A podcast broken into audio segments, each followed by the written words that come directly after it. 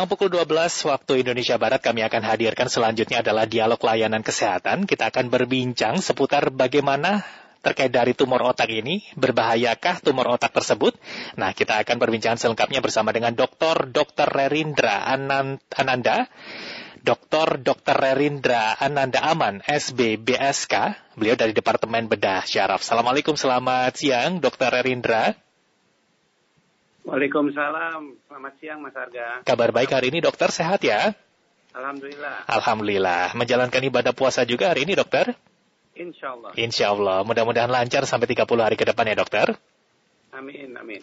Dokter kita bincang-bincang seputar berbahaya tidak sebetulnya tumor otak ini. Namun boleh digambarkan terlebih dahulu begitu dokter sebagai pengetahuan kita secara akademis, secara kajian klinis sebetulnya yang disebut dengan tumor otak ini apa sih dokter? Baik, Mas Arga. Uh, Assalamualaikum, selamat siang para pemirsa RRI Pro. Jadi kalau kita bicara mengenai tumor, tumor itu sebetulnya dalam ilmu kedokteran itu merupakan suatu masa atau benjolan. Nah, kenapa itu timbul tumor? Hmm. Karena itu terjadi pertumbuhan sel yang berlebihan hmm. yang tidak terkontrol oleh tubuh. Hmm. Jadi, kalau ada tumor di otak, maka benjolan itu tumbuhnya di dalam otak. Mm -hmm.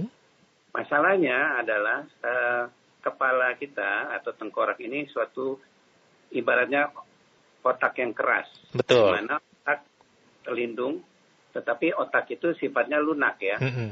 Nah kalau ada sesuatu yang tumbuh, mm -hmm. maka dia akan mendesak jaringan otak yang di dalamnya, mm -hmm. karena akan tertahan oleh uh, tengkorak itu sendiri karena sifatnya keras. Yeah. Nah, jadi kalau kita lihat dari sifat tumor otak itu sendiri, mm -hmm. ada sifatnya uh, jinak, mm -hmm. yaitu tumbuhnya lambat, lalu ada pembungkusnya atau kapsul, dan kalau misalnya dia ganas, itu sifatnya tumbuhnya cepat sekali dan mm -hmm. tidak berkapsul atau batasnya tidak tegas. Mm. Kalau kita lihat dari asal usulnya, ada yang disebut tumor otak primer, mm -hmm yaitu berasal dari sel otak itu sendiri hmm. maupun sel pembungkus hmm. atau tumor otak sekunder, hmm. mas, yang berasal dari uh, tumor dari tempat lain atau organ lain, misalnya hmm. penyebaran gitu dari hmm. kanker. Jadi itu adalah mengenai sifat dan asal usulnya. Baik. Nah, karena otak ini kan kita ketahui seperti dibungkus oleh tulang tengkorak yang keras begitu ya dokter, sehingga kita mungkin tidak bisa mengidentifikasi atau melihat secara kasat mata apakah di tubuh kita ini ada tumor atau tidak begitu di otak. Lain halnya misalnya di payudara atau organ yang lain kan bisa kita raba apakah ada benjolan atau tidak begitu ya dokter ya. Betul mas. Nah, Jadi hal-hal apa yang mengindikasikan di dalam otak kita ini tumbuh tumor begitu dokter? Hal apa yang kemudian kita harus aware ketika kita merasakan hal tersebut? Kita harus kemudian sesegera mungkin memeriksakan diri agar kita bisa minimalisir ini potensi tumor otaknya dokter.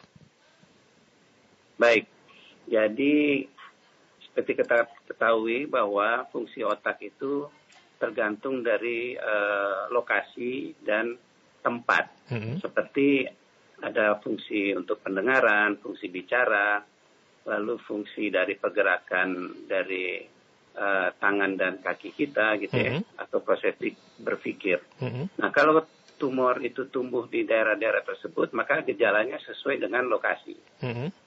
Misalnya ada tumor yang tumbuh di daerah motorik atau pergerakan tangan dan kaki, mm -hmm. maka akan terjadi kemungkinan bisa terjadi kelemahan dari uh, tangan dan kaki tersebut. Oke. Okay. Nah, tapi kalau gejala umum, mm-hmm. umumnya adalah uh, nyeri kepala mm-hmm. yang hilang timbul, yang lambat laun itu menjadi bertambah berat. Mm. Itu tanda yang sangat umum. Mm-hmm. Memang nyeri kepala itu penyebabnya macam-macam dan banyak penyebabnya, tetapi memang harus akhirnya akan harus diperiksa nantinya mm-hmm. oleh dokter mm-hmm. untuk menentukan penyebab sakit kepala ini. Oke. Okay. Baik, jadi ini adalah gejala yang umum begitu ya dokter, tanda-tanda umum ada nyeri kepala yang kemudian dari tingkat intensitasnya semakin hari semakin berat begitu ya dok ya? Betul. Nah, dokter kita tahan dulu sedikit perbincangannya. Saya undang juga pendengar Pro 3 untuk ikut bisa ngobrol-ngobrol bersama kita. Begitu ya dokter ya? Ketika ada pertanyaan, ada tambahan informasi dari pendengar, kita diskusikan bersama. Saya undang Boleh. Anda pendengar untuk bergabung di 352-3172, 3844545, dan juga 3866712. Kami bersama Dokter Dr. Renindra Ananda Aman berbincang seputar bahayakah tumor otak ini. Saya mau jumpai terlebih dahulu satu pendengar ini dokter ada dari Makassar, Pak Wibi. Assalamualaikum Pak Wibi. Waalaikumsalam, selamat siang. Silakan Pak Wibi. Ah, begini dok ya, kalau kepala, bagian otak atau bagian, pokoknya kepala lah, hmm. terbentur benda keras, kemudian menimbulkan benjolan yang besar. Apakah ini juga rawan bisa kena kanker otak? Terima kasih. Baik, terima kasih pertanyaannya Pak Wibi. Saya tampung dulu untuk jawabannya ya Pak Wibi ya. Saya mau sambung kemudian ada Pak Amri langsung di Sulawesi Selatan. Pagi, eh, siang Pak, Pak Amri. Ya, selamat siang. Assalamualaikum dari Kabupaten Bola Mongondo, Sulawesi Utara, bukan Siap. Sulawesi Selatan. Waalaikumsalam warahmatullahi Silakan. Salam sehat Pak Dokter. Pertanyaannya begini Pak Dokter Rinda. Assalamualaikum sebelumnya. Uh, kalau tumor otak ini terjadi pada daerah korpus kalosum, pada daerah stria amigdala, dan membuat uh, penderitanya jadi emosinya sangat cepat naik, amarahnya naik, kira-kira berbahaya sekali. Apakah harus dilakukan proses trepanasi atau kraniotomi untuk uh, tumor ini? Kedua, untuk tumor yang terjadi pada daerah girus-girus dan daerah area Broadman atau area Wernicke serta area Broca, kira-kira juga harus secepatnya dilakukan evakuasi dan tindakan invasif untuk uh, apa penyembuhan dan menghindari terjadinya hal-hal yang tidak diinginkan hmm. pada terjadi sudden death atau kematian. Hmm. Itu saja Pak Dokter, terima kasih. Baik, terima kasih Pak Amri di Sulawesi. Dua penelpon terlebih dahulu ya, saya mau tampung. Silakan langsung dijawab atau ditanggapi Dokter Renindra apa yang menjadi pertanyaan Pak Wibi dan juga Pak Amri pendengar kami ini. Silakan, Dokter. Baik, terima kasih atas pertanyaan Pak Widi dari Sulawesi. Jadi dari penelitian selama ini dilakukan, uh, para peneliti mencari tahu apa risiko dari terjadinya tumor otak. Termasuk salah satunya adalah benturan pada kepala itu diteliti. Nah, sampai saat ini masih belum dapat dipastikan ada kaitannya atau hubungannya antara terjadinya benturan pada kepala dan hmm. terjadinya tumor di kemudian hari. Hmm. Begitu uh, jawabannya untuk Pak Wibi. Baik, sedangkan untuk Pak Amri tadi dokter? Pak Amri tadi pertanyaannya uh, cukup menjurus bahwa apabila ada pertumbuhan tumor di daerah corpus callosum dan amigdala yang -hmm. kita tahu itu adalah uh, sistem limbik yang mengendalikan emosi kita, -hmm. maka bisa jadi emosinya bisa terganggu, mm. baik itu berlebihan maupun jadi uh, berkurang emosinya, -hmm. artinya tidak ada yang bisa dirasakan khusus untuk uh, tumor-tumor di daerah sini, memang ini letaknya dalam sekali, hmm. mas, dalam sekali, hmm. sehingga perlu penanganan yang khusus, antara lain perlu dilakukan uh, tindakan operasi mikroskopik hmm. atau terpaksa hanya biopsi saja hmm. untuk mengetahui jenisnya hmm. apa. Hmm. Setelah kita mengetahui jenis yang perlu dilakukan pengobatan tambahan, misalnya radiasi maupun kemoterapi, maka akan dilanjutkan. Demikian. Baik.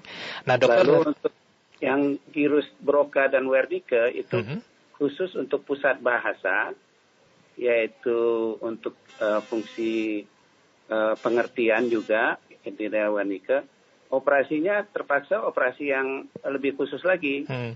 yaitu dilakukan operasi uh, awake surgery, yaitu pasiennya tetap bangun pada saat operasi mm-hmm. dan dilakukan stimulasi-stimulasi mm-hmm. sehingga kita bisa menghindari daerah atau pusat bahasa tadi mm-hmm. pada saat pengangkatan tumor. Mm-hmm. Gitu. Baik. Jadi indikasinya ada Baik. untuk tindakan operasi. Siap.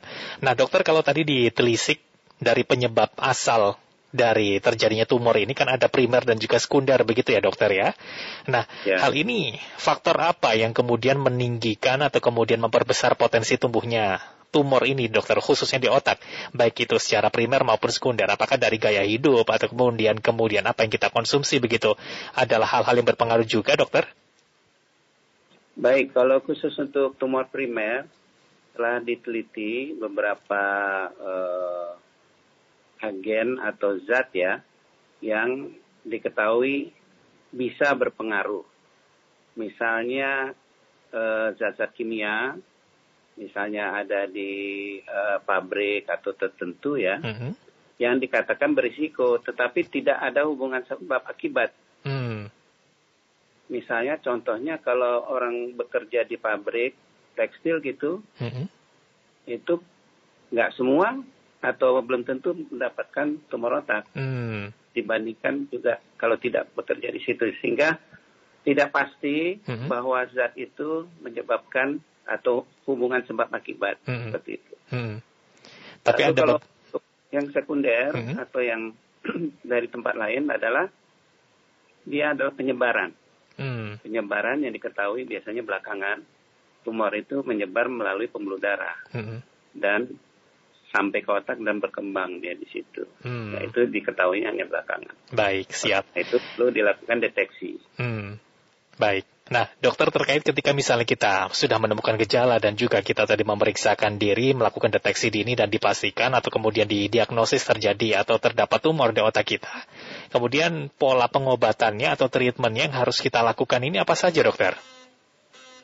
Baik, jadi kalau memang ada suatu benjolan atau tumor dikatakan, maka yang pertama adalah dilakukan tindakan operasi dengan bertujuan mm -hmm untuk mengetahui jenisnya apa dan apabila jenis tertentu misalnya yang harus ditambah dengan pengobatan lanjutan hmm. seperti radiasi dan kemoradiasi maka hmm. dapat diketahui. Yang kedua hmm.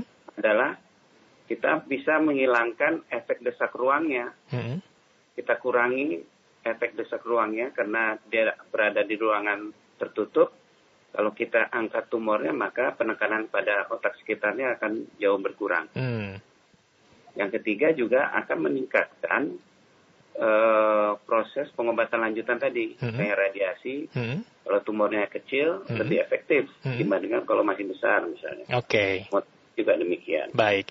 Nah, kalau kita kembali kepada topik kita, apakah berbahaya atau tidak begitu tumor otak, potensi atau kemudian tingkat uh, berbahayanya ini boleh digambarkan bagaimana, dokter? Uh, jadi, secara umum bisa dikatakan semua benjolan atau tumor yang di otak dianggap berbahaya, mm -hmm. ya, sehingga perlu penanganan lebih lanjut. Mm -hmm. Seperti tadi, apakah itu operasi, kemudian dilanjutkan dengan radiasi atau kemo, atau mm -hmm. cukup operasi saja pada mm -hmm. tumor jinak misalnya, seperti itu. Jadi uh, harus dianggap berbahaya. Hmm. Apalagi kalau uh, deteksi dininya ini kita terlambat begitu ya dokter ya? Eh, ya seperti itu. Hmm, Dan satu hmm. hal lagi mas, uh, apabila orang dewasa kejang pertama kali, hmm. kita harus curiga ada sesuatu. Oke. Okay. Sering yang yang diperkirakan orang hmm. adalah ini suatu bentuk epilepsi hmm. seperti itu hmm. ya atau ayan ya. Hmm. Tapi kalau dia baru pertama kali dan hmm. dia sudah dewasa, hmm. kita harus telusuri lebih lanjut hmm. untuk mencari tahu penyebabnya. Oke. Okay. Bisa-bisa hmm ada tumor barangkali. Hmm. Apalagi gejala pendukung tadi yang sangat umum adalah mengalami uh, pusing misalnya begitu ya dokter ya. Nyeri kepala dengan intensitas yang semakin hari semakin meningkat begitu ya dokter ya. Umum demikian. Baik. Ya. Nah, dokter terkait penyembuhan uh, tumor ini, dokter di tumor apalagi di otak, ini kan pusat perintah begitu pusat kemudian segala kendali ini ada di otak kita begitu. Nah, ketika misalnya ada tumor di situ terus kemudian dilakukan proses uh, metode operasi misalkan katakanlah begitu dokter. Apakah selanjutnya ketika recovery atau penyembuhan ini berpengaruh terhadap mungkin daya daya apa ya? berpengaruh terhadap ya kondisi dari otak itu sendiri begitu dokter, kemampuan dari otak itu sendiri dokter. Ya betul. Jadi sangat tergantung dari uh, jenisnya apa dulu ya, mm -hmm. yang tumor, apakah dia jinak atau ganas. Mm -hmm. Yang kedua, di daerah mana yang dia tumbuh. Kemudian yang ketiga adalah perlu nggak dia pengobatan tambahan seperti radiasi dan kemoterapi tadi. Mm-hmm. Dan ini tumor otak ini adalah suatu penyakit yang dilakukan uh, pendekatan multidisiplin Mas mm-hmm. Jadi bukan dokter berdasar saja, mm-hmm. tetapi nanti ada dokter neurologi, mm-hmm. dokter onkologi radiasi, mm-hmm. dokter rehabilitasi, mm-hmm. medik, mm-hmm. ya, untuk bahkan psikiatri pun ikut ya. Mm-hmm. Jadi kami di RSM itu adalah satu tim. Oke. Okay. Uh, memanage pasien-pasien tumor otak, mm-hmm. sehingga mm-hmm. semua aspek akan uh, ditangani begitu. Hmm. Oke, okay, tergantung pada tumbuhnya tumor itu di mana, begitu ya dokter ya, sehingga kemudian harus secara komprehensif hal itu juga kemudian ditangani begitu pasca tindakan operasi yang dilakukan begitu ya dok. Betul sekali. Tapi pasca tindakan operasi ini atau kemudian kemungkinan sembuhnya atau kemudian keberhasilan dari tindakan operasi ini seperti apa dok untuk uh, pasien-pasien dengan tumor otak ini dokter? Jadi sekali lagi memang tergantung dari sifat tumornya itu sendiri. Hmm. Kalau memang dia jinak hmm. dan bisa diangkat total, hmm. maka angka kekambuhannya itu menjadi lebih rendah. Hmm misalnya contoh dalam waktu lima tahun itu uh, kemungkinan dia tumbuh hmm. di bawah 10 persen misalnya. Hmm. Tetapi kalau dia sifatnya ganas hmm. dengan pengobatan tambahan misalnya radiasi dan kemo hmm.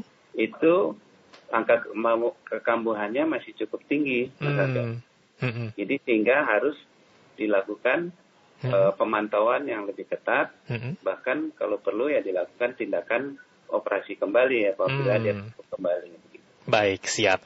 Nah, pendengar masih kami tunggu ada komentar atau pertanyaan Anda. Silahkan saya undang kembali di 352-3172, 3844545 atau 3866712. Dokter, misalnya kita contohkan satu kasus begitu ya dok ya, yang kemudian mungkin kita amati secara bersama. Public figure kita, artis kita yang pernah mengalami hal yang serupa atau mengidap tumor otak ini kan gugun gondrong dokter, yang kemudian juga sudah melakukan proses tindakan operasi dan lain sebagainya. Namun pasca itu tampak mohon maaf begitu dok, kemampuan secara motoriknya dan juga kemampuan uh, berbicara dan lain sebagainya itu kok tampak mengalami penurunan begitu. Nah, hal ini faktor-faktornya agar tidak kemudian pasca operasi atau kemudian ketika kita terserang tumor agar ketika kita sudah melakukan tindakan itu pulih seperti semula, apa yang bisa dijaga dalam hal ini, dokter? Baik, Mas Arga. Jadi sekali lagi memang sangat tergantung kapan tumor itu dideteksi hmm. dan sudah berapa lama dia tumbuh. Oke. Okay. Yang kedua adalah sifat tadi, ya hmm. sifat tumornya, apakah hmm. dia jinak apa ganas, hmm. dan lokasi. Oke. Okay. Apabila penekanan terhadap lokasi tertentu itu sudah cukup lama, maka kemampuan untuk sel-sel otak itu kembali berfungsi seperti semula itu sangat kecil atau hmm. sangat menurun. Hmm, hmm, hmm. Demikian. Baik, siap. Jadi, akhirnya sering yang terjadi adalah terdapat gejala sisa. Oke. Okay. Baik. Yang penting dalam hal ini adalah kecepatan bagaimana kita deteksi dini sehingga kemudian penanganannya juga bisa dilakukan secara komprehensif dan tepat begitu ya dokter ya? Betul, Mas. Baik. Dokter, terima kasih banyak sudah bersama dengan RRI. Lain waktu kita bincang-bincang lagi khusus masalah tumor otak ini agar kita semua lebih paham, lebih punya kemudian awareness yang tinggi ketika misalnya ada gejala tadi. Pusing dengan intensitas yang kian hari semakin tinggi, apalagi diikuti dengan gejala kejang. Untuk orang dewasa ini kita harus lebih waspada terkait dari hal tersebut ya, dokter? Baik, Mas Harga. Terima kasih dokter. Selamat menjalankan ibadah puasa. Selamat siang. Assalamualaikum. Waalaikumsalam warahmatullahi wabarakatuh. Demikian pendengar perbincangan kami bersama dengan Dr. Dr. Renindra Ananda Aman SB BSK dari Departemen Bedah Syaraf terkait dari berbahayakah begitu terkait dari tumor otak.